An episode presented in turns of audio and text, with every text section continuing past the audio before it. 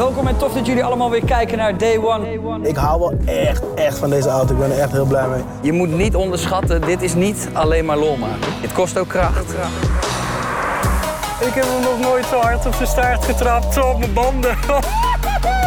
Het was voor mij ook de eerste keer dat ik een- nou, zo'n persoonlijk liedje release. 28 kilo. Dat zijn we niet veel. Maar we zijn los hoor. Goedemorgen, middag of avond en welkom bij One Podcast, de vrijdageditie. Mijn naam is Jordi Warnes en ook vandaag stoom ik je weer in maximaal een half uur klaar voor het weekend. Dat doe ik weer met toffe gasten over sport, auto's en ondernemen. Over auto's praat ik zo meteen weer met Rohan van Absolute Motors. Hij heeft weer nieuws voor ons. We gaan het met Giovanni hebben over MMA, want Rico Verhoeven en Badahari duiken weer de ring in.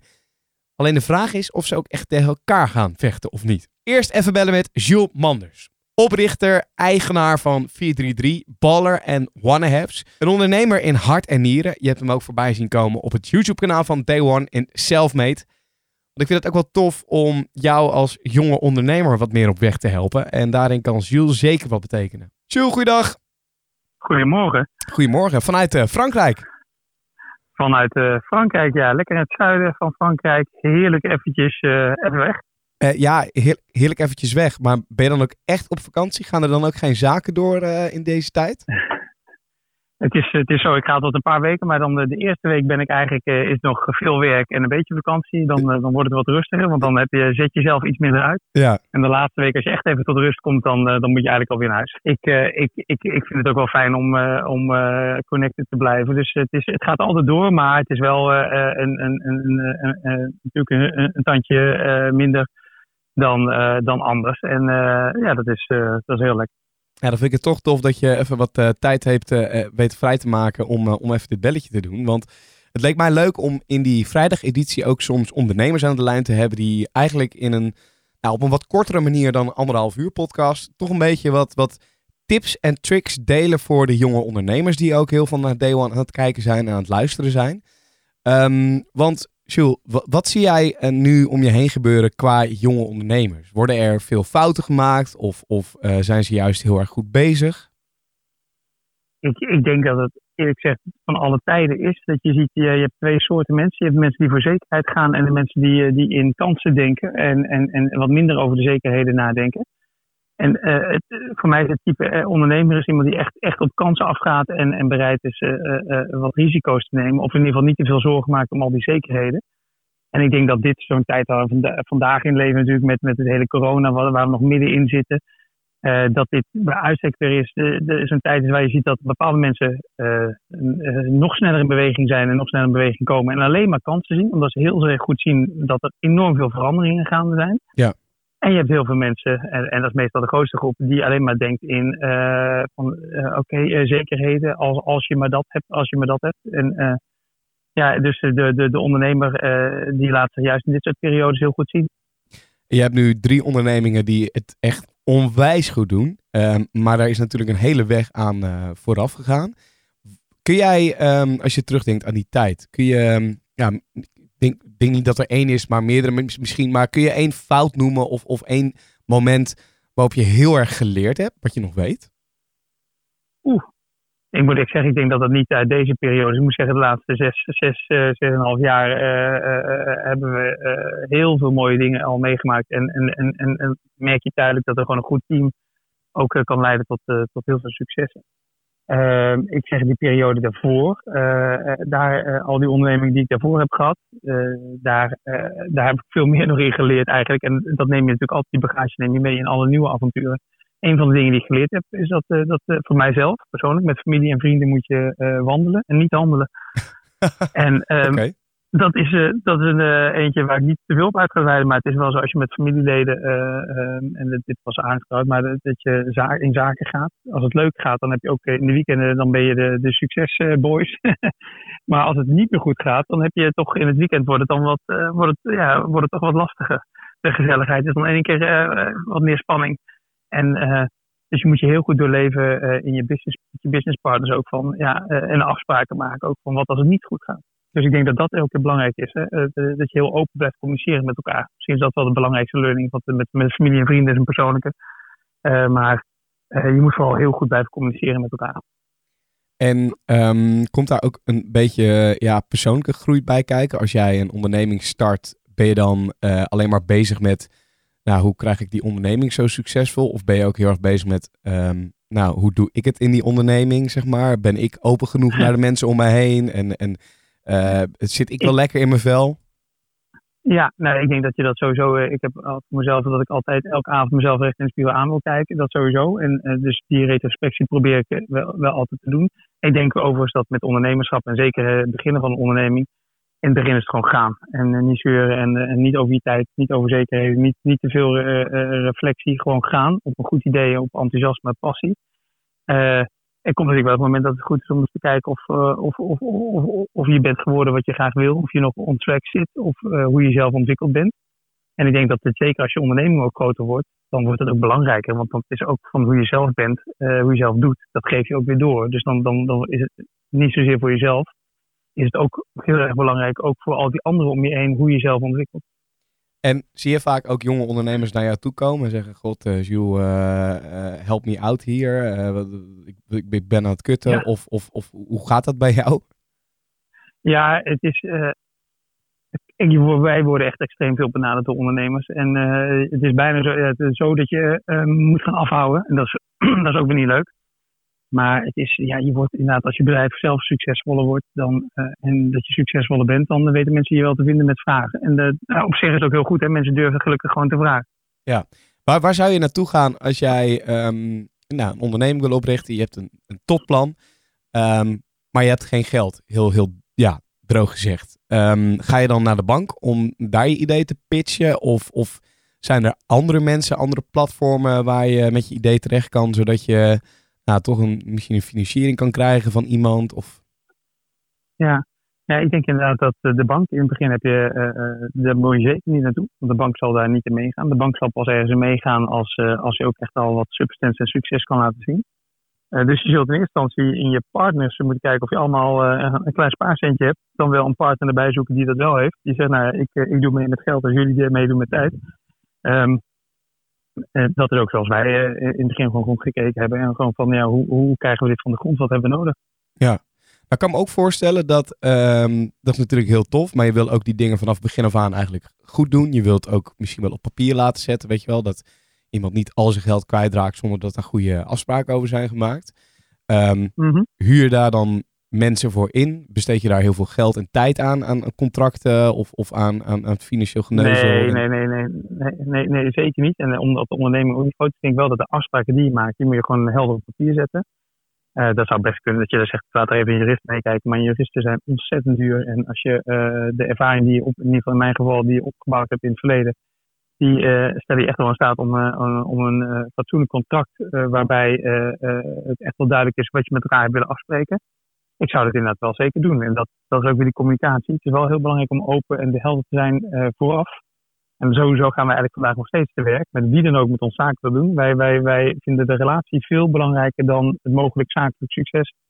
Dus we zeggen ook van jongens, laten we het ook echt goed opschrijven en heel duidelijk met elkaar afspreken. Want uh, niks is zo vervelend om achteraf uh, elkaar niet meer aan te kunnen kijken. Dus dat zijn wel ook die leringen waar je het eerder over had. Uh, dingen goed uitspreken en dan wel opschrijven in het begin. En opschrijven zeker als, je het, uh, als het zakelijk is, dan, dan moet je het even opschrijven.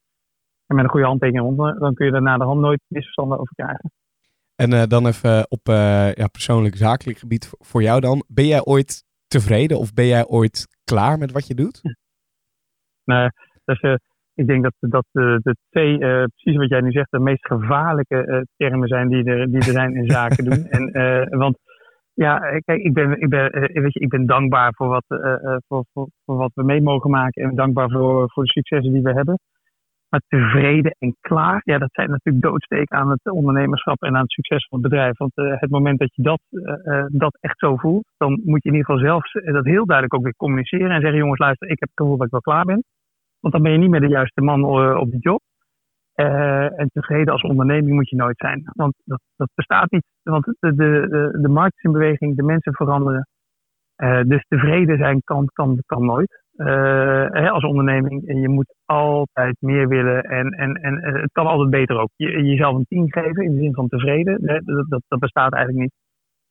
Ja, dat vind ik mooi. Dat vind ik een mooie uitspraak. Het is eh, te veel voor een eh, tegeltje, maar eh, ja, wel een mooie afsluiter, denk ik. Ja, Jules, nogmaals, dankjewel dat ik je even tijdens je vakantie mocht storen, zodat jij op deze manier toch wat, wat kleine, korte tips kan geven aan ondernemers. En hopelijk raken ze ook uit deze nou, aantal minuten een beetje geïnspireerd. En ik denk dat het ook maar een leuk idee is om ook met jou binnenkort wel weer een podcast te gaan doen. En samen met JJ ook erbij, zodat we nou, wat langer de materie in kunnen duiken. Eh, in ieder geval moet mensen gewoon even ook de, de video op Day One YouTube kanaal gaan checken, Selfmade. Waarbij JJ ook bij jullie op kantoor langskomt en, eh, en anders ook de podcast even met Demi gaan luisteren. Nou ja, nogmaals een hele fijne vakantie daar, Jules. En uh, dankjewel voor je tijd. Dankjewel. hey, dankjewel man. Hartstikke leuk jongen. Succes hè vandaag. En van ondernemen weer door naar autonieuws. Ik heb al een keer eerder met hem gebeld. Rowan van Absolute Motors. Ik ga hem toch weer het manetje van alles noemen daar. Want ik zie hem toch wel heel veel voorbij komen. Onder andere op het YouTube kanaal daar van Absolute Motors in Rotterdam. Rowan, goeiedag. Hey Jordi, goeiedag. Hoe is het? Ja, lekker. En hoe is het daar in, uh, in Rotterdam? Ja, goed. Goed, goed, goed. Um, want we, gaan, we hebben natuurlijk weer nieuws over de AMG GT Black Series. Oh, is er weer nieuws? Want, vorige... Ja, nou, dat is wel waar ja. inderdaad. Vorige keer sprak ik jou over die AMG GT Black Series. Maar wat, wat is het nieuws dan? Inderdaad. Nou, dat is eigenlijk het meest pijnlijke, pijnlijke punt van de Black Series. Oh. En dat is de prijs. Die is bekend. oh god. En, en zijn jullie dus, daarom nu teruggekrabbeld of gaat het deal alsnog door? Nee, we zijn nog niet teruggekrabbeld. Maar het is wel even een shock. En uh, we moesten even gaan zitten. En we moesten ook even bijkomen. Maar ik kan het inmiddels uitspreken. En het is 421.000 euro vanaf. Jezus. Dus daar heb je nog niks aangevinkt. Ik ben benieuwd wat dat nog uh, gaat doen. En dat is natuurlijk ook een leuke prijs hier in Nederland. Of is dat de Nederlandse ja, dat prijs? is de al? Nederlandse prijs. Ah. Ja, dat is de Nederlandse. Gelukkig wel, want anders zou het helemaal gek worden. Maar ja. hij is een stuk duurder dan zijn concurrentie. Uh, neem een 675 LT van McLaren. Ja. Die is, geloof ik, even zo uit mijn hoofd, een uh, 12k goedkoper. Nou ja, goedkoper. Minder hoge prijs, wil ik liever zeggen. Uh, en dan heb je de GT2 RS en zo. Die waren natuurlijk nog een heel stuk goedkoper. Dat scheelde geloof ik nog een ton. Dus al met al, prijzig apparaatje. Ja, maar goed. Maar goed, dat had je van tevoren kunnen weten natuurlijk. Dat uh, ongeveer wel, ja. hey, en wat klopt, is er nog klopt. meer uh, qua nieuws? Want ik neem aan dat je niet als enige nieuws hebt de prijs van de AMG GT Black Series. Want dan wordt het een, uh, een kort Gelukkig niet. Daar worden we niet gelukkig van. nee. we, hebben, we hebben wel nog een beetje nieuws van, van Mercedes. Ze zijn er een beetje vaag over, maar het is wel iets wat ons allebei raakt. Want uh, zij gaan namelijk een samenwerking doen met Virgil Abloh, als ik dat goed zeg. Ja. Weet jij dan over wie ik het heb? Ja, ja, ja, ja, ja, ja. ja. Uh, Van Louis Vuitton ja. en het label Off-White. Ja, ja, heel vet. Oh ja, lijp. Die, hebben, die heeft ook een... Uh, heeft natuurlijk ook een samenwerking volgens mij laatst nog gedaan met Ikea. Ja, ja klopt. Dat ook heel vet was. En, en Mercedes gaat met Virgil Abloh gaat nu samenwerken. Zeker. En ze gaan samenwerken op de G-klasse. Nou is dat natuurlijk weer een auto die wij hier heel graag voorbij zien komen. Ja. Um, wat ze exact gaan doen, dat zeggen ze nog niet. Maar wat ze wel aangeven is dat 8 september de online review is van de G-klasse in samenwerking met uh, Virgil. Uh, dus wij gaan natuurlijk kijken of dat wij uh, al een plekje kunnen bemachtigen voor wat er ook gaat komen. Want het is sowieso exclusief. En je weet hoe dat gaat met Off-White, ook met de schoenen. Ja, voordat ze, voordat ze echt uh, te koop staan, zijn ze eigenlijk al overkocht. Ja. En dat zal met, met dit niet anders zijn. Dus ja, dat is wel iets waar we heel erg naar uitkijken. Dus iets voor, voor over een maand, en ruim een maand. Denk je dat, dat er dan ook veel aan het exterieur verandert? Of zal het alleen maar interieurgericht zijn, zoiets? Ja, dat weet ik dus niet. Wat denk jij? Ja, ik weet, ik weet natuurlijk wel, niet of... Hij doet natuurlijk wel veel qua uiterlijke, uh, uiterlijke vertoon doet hij. Ja, maar, maar is het zo dat, dat Mercedes vaak dit soort projecten ook helemaal qua uiterlijk uh, gewoon uh, groot aanpakt met dit soort samenwerkingen? Hebben ze nog niet eerder gedaan. Nee. Dus um, wat dat betreft echt, echt uniek. Wat ze, wat, het, het kan niet anders dan dat het uitgesproken gaat zijn als je kijkt naar heel, de, heel de lijn van Off-White. Dus ja, ja wie zal het zeggen? Ja, ja, laten, laten, we hopen dat het, uh, dat het iets heel tofs wordt. En, en slim investering dat... natuurlijk, omdat het gewoon uh, veel waard blijft en wordt en, en nog duurder wordt. Dat wordt direct meer geld waard. Kijk ja. maar naar de schoenen. Hey, uh, mocht, kon je ze kopen voor 200 euro, zijn ze gelijk 800. Dus eh, nou ja, als dat bij de auto ook zo gaat, dan eh, doe je een goede investering. Ja, ja, ja, lekker, lekker. En nog meer autonieuws? Ja, Formule 1. Nou, met corona weten we dat het allemaal een beetje lastig is om eh, evenementen te organiseren. En eh Formule 1 schema was ook nog niet helemaal bekend. Maar het lijkt erop dat 11 oktober eh, de Formule 1 wordt gehouden op de Nürburgring. En dat is ook weer Ja. iets waar we natuurlijk heel graag naartoe gaan. En ook al heel lang niet is voorgekomen. Dus dat is wel heel tof. Heel tof. Ja. Dus, eh, En, en over Ja, eh, Formule 1 gesproken, heb je dat gezien met die eh, McLaren Senna LM? dat die ex-Formule 1-coureur hem niet zo heel goed onder controle had. Zo, in, eh, in Monaco. en dat is toch een wagen van een, nou, een miljoen, geloof ik ongeveer, denk ik. Ja, ruim. Ruim een miljoen. Ja, En die is gewoon een klaar nu. vol gemaakt. Ja, zonde. Heel Zo, erg zonde. Niet normaal. Hoi, hoi, Ja, hoi. zo, zo zie je maar, zelfs de beste, die maken nog wel eens foutjes. Hey, en eh Roman, wat eh, verlaat deze week de showroom van, eh, van Absolute Motors? We kunnen jullie natuurlijk ook volgen op, op YouTube. de filmpjes waarin jullie ons wekelijks meenemen in, in de werkplaats. Wat zijn een paar toffe projecten nu? Ja, het is echt bizar. Ik, kijk, ik kijk nu zeg maar vanaf boven op de werkplaats. En ik zie een F12 TDF staan. Die is al vaker voorbij gekomen omdat we de uitlaat hebben aangepast. Ik zie een Pista Spider staan, een 488 Pista Spider. Eh, die gaan we beschermen tegen steenslagen en andere kleine schades. Maar die is heel erg mooi gespekt. Maar dat laten we natuurlijk in onze YouTube-video's zien. Ja. We hebben een 488 GTB staan, ook weer een Ferrari. Daar gaan we nog veel meer aan doen. En we hebben een Audi S6, die gaan we deze week opleveren. En daar hebben we eigenlijk van alles aan gedaan. Dus exterieur, interieur, eh, onderstel, eh, echt werkelijk alles. En het bijzondere aan dat project was, is dat de klant ons gewoon echt carte blanche heeft gegeven. En dat Ah, is best vet. wel eng. Ja, ja dat lijkt me heel die, eng. die, die, ja, die man die zet gewoon zijn auto neer en die zegt, joh, ik wil niet weten wat het gaat worden. Maar doe maar wat. Stuur me een factuur. Ik betaal hem. En eh, ik ben benieuwd. Heel sick. Ja, dan moet je iemand, ja, dan moet je iemand gaan pleasen met jouw smaak. Hey, hey, dan even een Dus, persoonlijk eh, vraagje, Roman. Ik, eh, Ja, ik ja. heb een eh BMW 320i, een eh, G20, dus uit 2018 nieuwsmodel. Nou, Mhm. ben ik me daar een beetje aan het verdiepen en dergelijke. En er zitten natuurlijk wat instellingen in zo'n auto. En toen kwam ik achter het feit dat je dus een BMW, en het zal bij meerdere merken zo zijn, kunt Mhm. coderen. Eh, Althans, je kan die code induiken en dan kun je dingen unlocken die bijvoorbeeld in nou, Nederland door BMW niet in de auto worden eh, geactiveerd of, of whatever. Of dat soort dingen. Klopt het wat ik zeg? Of zit ik compleet een Dat nonsens klopt te praten? helemaal wat je zegt. En- Nee, dat klopt. Want zo kwam ik erachter dus. Ik heb dus die 320i en daar zit eh, geen Sport Plus versie eh, of eh, Sport Plus modus in nu op dit moment. Eh, er zit Nee. alleen Sport, Eco Pro en Comfort in. Eh, Mhm. Maar er schijnt dus ook gewoon nog eh, in die instellingen een, een Comfort Plus te zijn en een Sport Plus. ja. Kunnen Ja, jullie dat kan ook? kloppen. Nou, nee. Oh. Ja, nou, je- we kunnen echt heel veel. En uiteindelijk weten wij natuurlijk wel de juiste personen te vinden om dit soort dingen aan te pakken. Eh, maar dit is heel specifiek eh, voor BMW. Dus ehm, Eh, daar heb je weer een aparte computer voor nodig. En onze computer is meer ingeënt op, op alle merken, omdat wij eigenlijk alle soorten merken moeten beetpakken. Ja, maar, maar kun Dus, jij uitleggen waarom zoiets bijvoorbeeld vanuit de fabriek wordt gedaan? Dat bepaalde instellingen gewoon echt niet... Nou ja, die, die zitten wel Nou, diep in de code, maar... Ja, sommige dingen die zijn gewoon puur commercieel. Dus eh, moet je voorbij betalen om Ja, dat eh, te laten activeren. Heel zo simpel is het gewoon. En eh, het, is, het is voor hen is het goedkoper om het in alle modellen te bouwen.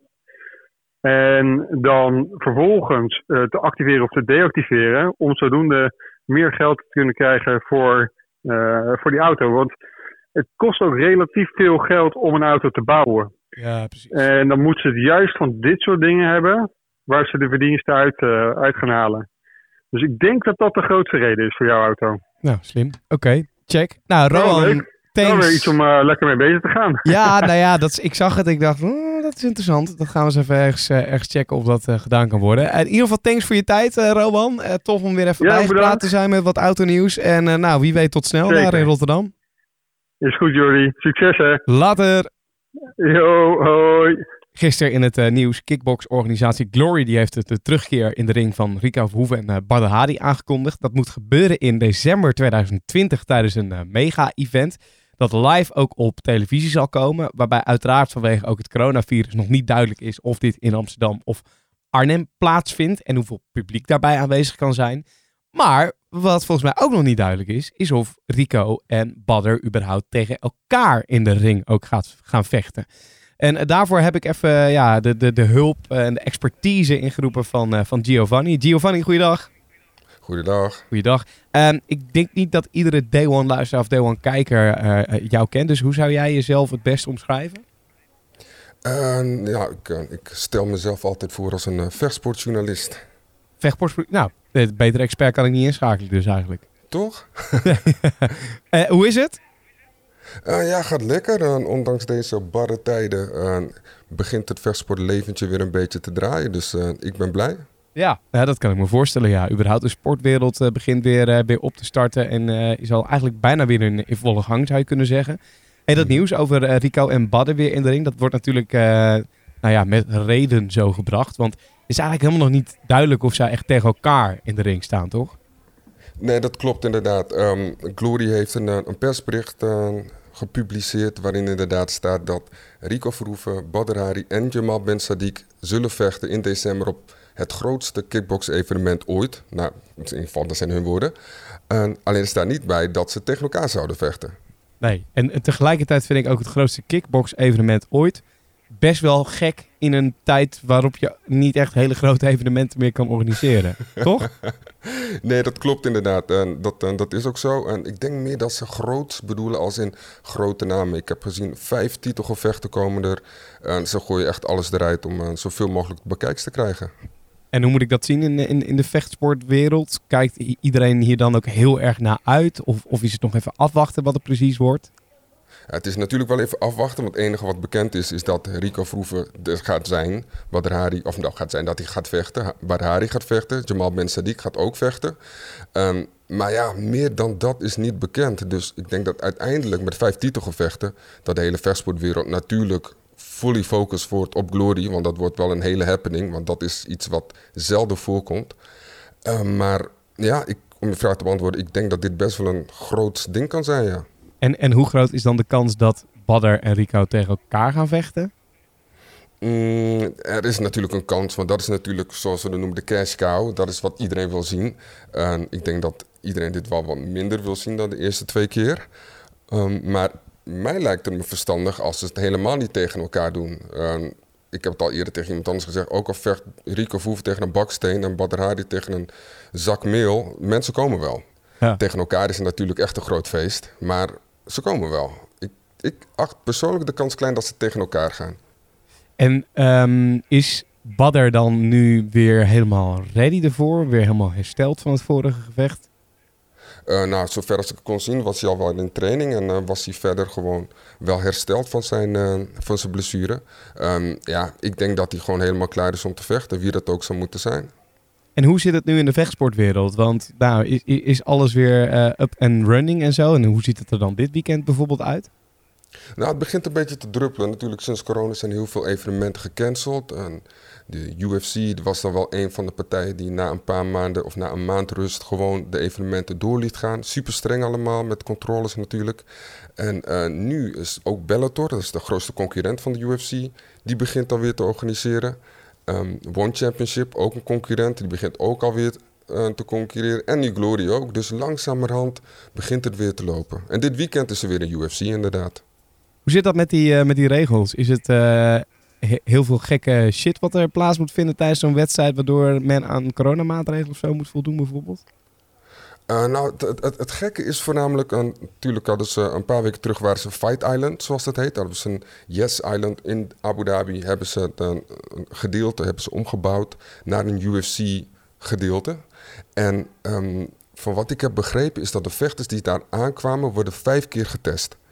Um, het is wel wat complex, het is een, een, een redelijk verhaaltje, zeg maar. Maar ja. ik zal het beknop proberen te houden.